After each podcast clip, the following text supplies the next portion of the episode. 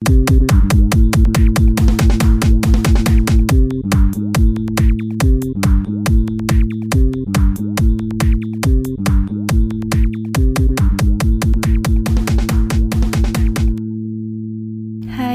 halo, aku Steffi. Selamat datang di podcastku. I am nobody but let me be your friend ya. Nah ini podcast pertama aku. Aku nyubi banget.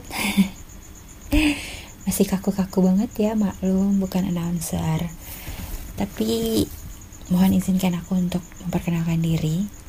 Aku Steffi aku akan jadi teman kalian aku berusaha jadi teman kalian dan ya sebenarnya tujuan aku bikin podcast ini memang ingin membagikan berbagai macam cerita dari berbagai macam sudut pandang sih karena sebenarnya banyak hal kan di hidup kita yang sering kali dinilai cuma dari satu sisi gitu. Masih banyak sisi lain akan suatu hal yang nggak bisa disampaikan gitu. Nah aku di sini pengen membagikan sudut pandang yang mungkin lain daripada yang lain tentang suatu hal. Atau mungkin sudut pandang yang dianggap tabu untuk disampaikan jadi lebih bisa disampaikan dan mungkin bisa diterima atau mungkin lebih related sama teman-teman sekalian. Di episode pertama kali ini aku pengen review satu buku sih. Ini bukunya Kaca Cataib yang judulnya Kepada Kamu Yang Tidak Pernah Jadi Satu-Satunya. Kalau dari judul kan juga udah ketebak ya ini isinya tuh kurang lebih tentang apa ya kan? Itu tentang seseorang yang menjadi orang ketiga atau menjadi simpanan mungkin kasarnya atau side project kita sebut aja ya biar lebih enak. Jadi nggak kasar-kasar banget sis beb bro. Maksudnya kalau misalnya disebut selingkuhan atau simpenan itu kan kasar banget. Kita sebut aja side project bukunya Kak Caca ini memang baru rilis Februari ini. Aku ikutan PO nya yang dapat tote bag notebook novel ya tentunya. Novel atau buku ya? Bukunya lah tentunya. Dan juga ada surat spesial dari Kak Caca. Um, ini buku berisikan tentang puisi-puisi atau catatan-catatan Kak Caca yang menggambarkan uh, situasi atau kondisi pokoknya intinya catatan-catatan Kak Caca yang menggambarkan tentang perasaan seseorang yang menjadi orang kedua, ketiga atau set project ya. Dan mungkin banyak di antara teman-teman yang jadi side project. Well, aku nggak mau menyalahkan, walaupun tidak membenarkan juga. Tapi aku pengen kasih pendapat bahwa jadi side project itu memang tidak benar. Tapi jangan sepenuhnya menyalahkan aktor-aktor yang ada di dalamnya which is nggak bisa sepenuhnya nyalahin si side projectnya siapa pun maksudnya di pihak mana pun ya maksudnya entah di pihak yang menjadi side projectnya atau yang maksudku entah yang jadi selingkuhannya atau yang diselingkuhi ya kan? Mau perempuan mau laki-laki menurutku jadi side project itu tetap ada nggak enaknya dan kadang dia sendiri juga nggak mau sebenarnya terjebak dalam hubungan side project gitu. Dia nggak mau jadi side project pasti pengennya jadi satu-satunya gitu jadi yang utama gitu jadi pemeran utamanya. Tapi kan kadang ada kondisi yang memang nggak bisa dipaksain buat diteruskan gitu. Maksudku kalian juga mungkin perlu mendengarkan alasan kenapa dia mau jadi side project atau kenapa dia akhirnya memilih berside project kita sekali lagi aku nggak mau nyalahin siapa pun. Tapi ya gitu deh. Balik lagi. Review buku kepada kamu yang tidak pernah jadi satu-satunya karya Caca Taib.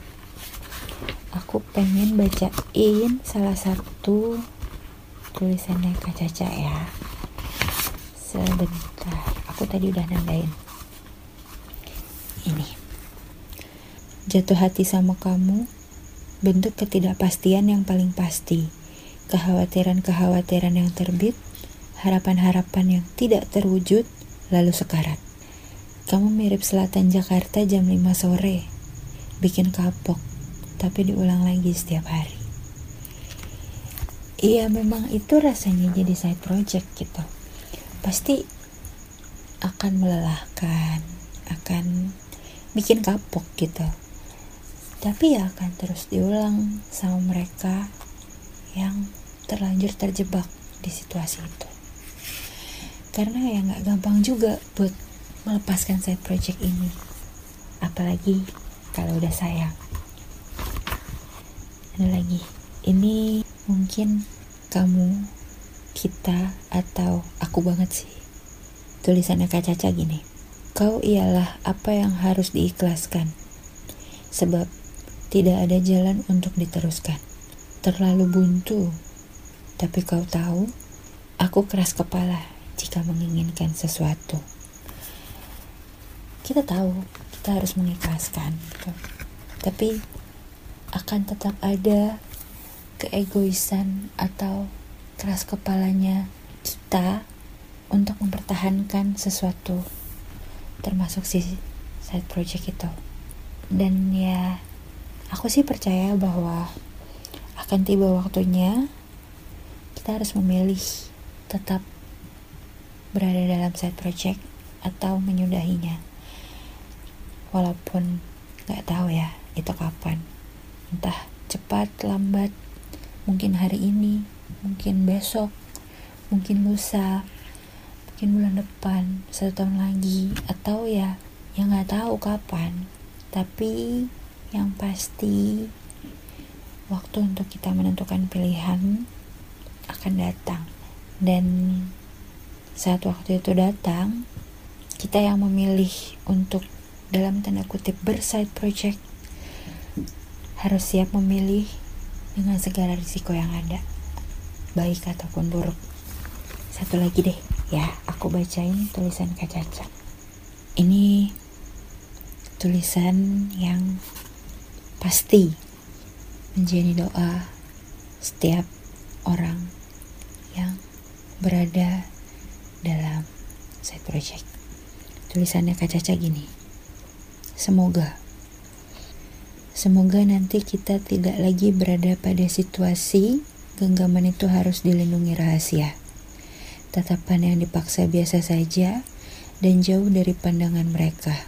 Senyum paling lebar, desah paling liar, tak lagi harus kita sembunyikan, meski letak paling aman hanya dalam ingatan. Iya gak sih? Pastikan setiap kita yang berada dalam side project akan berharap itu tadi. Uh, buku kepada kamu yang tidak pernah jadi satu-satunya ini menurut aku personally bagus sih. Bagus banget. Kak Caca bisa menyampaikan situasi dan perasaan orang yang berada dalam hubungan side project. Dia juga bisa menggambarkan perasaan orang yang di side projectin.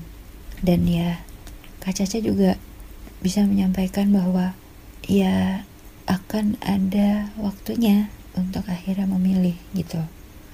Apa pun pilihannya itu nanti ada risikonya. Dan Kak Caca bisa mendeliver pesan itu dengan sangat baik melalui kata-katanya di buku ini. Jadi aku sih rekomendasiin kalian buat beli buku ini. Aku nggak dibayar sama sekali sama Kak Caca. Aku bener-bener honest review banget.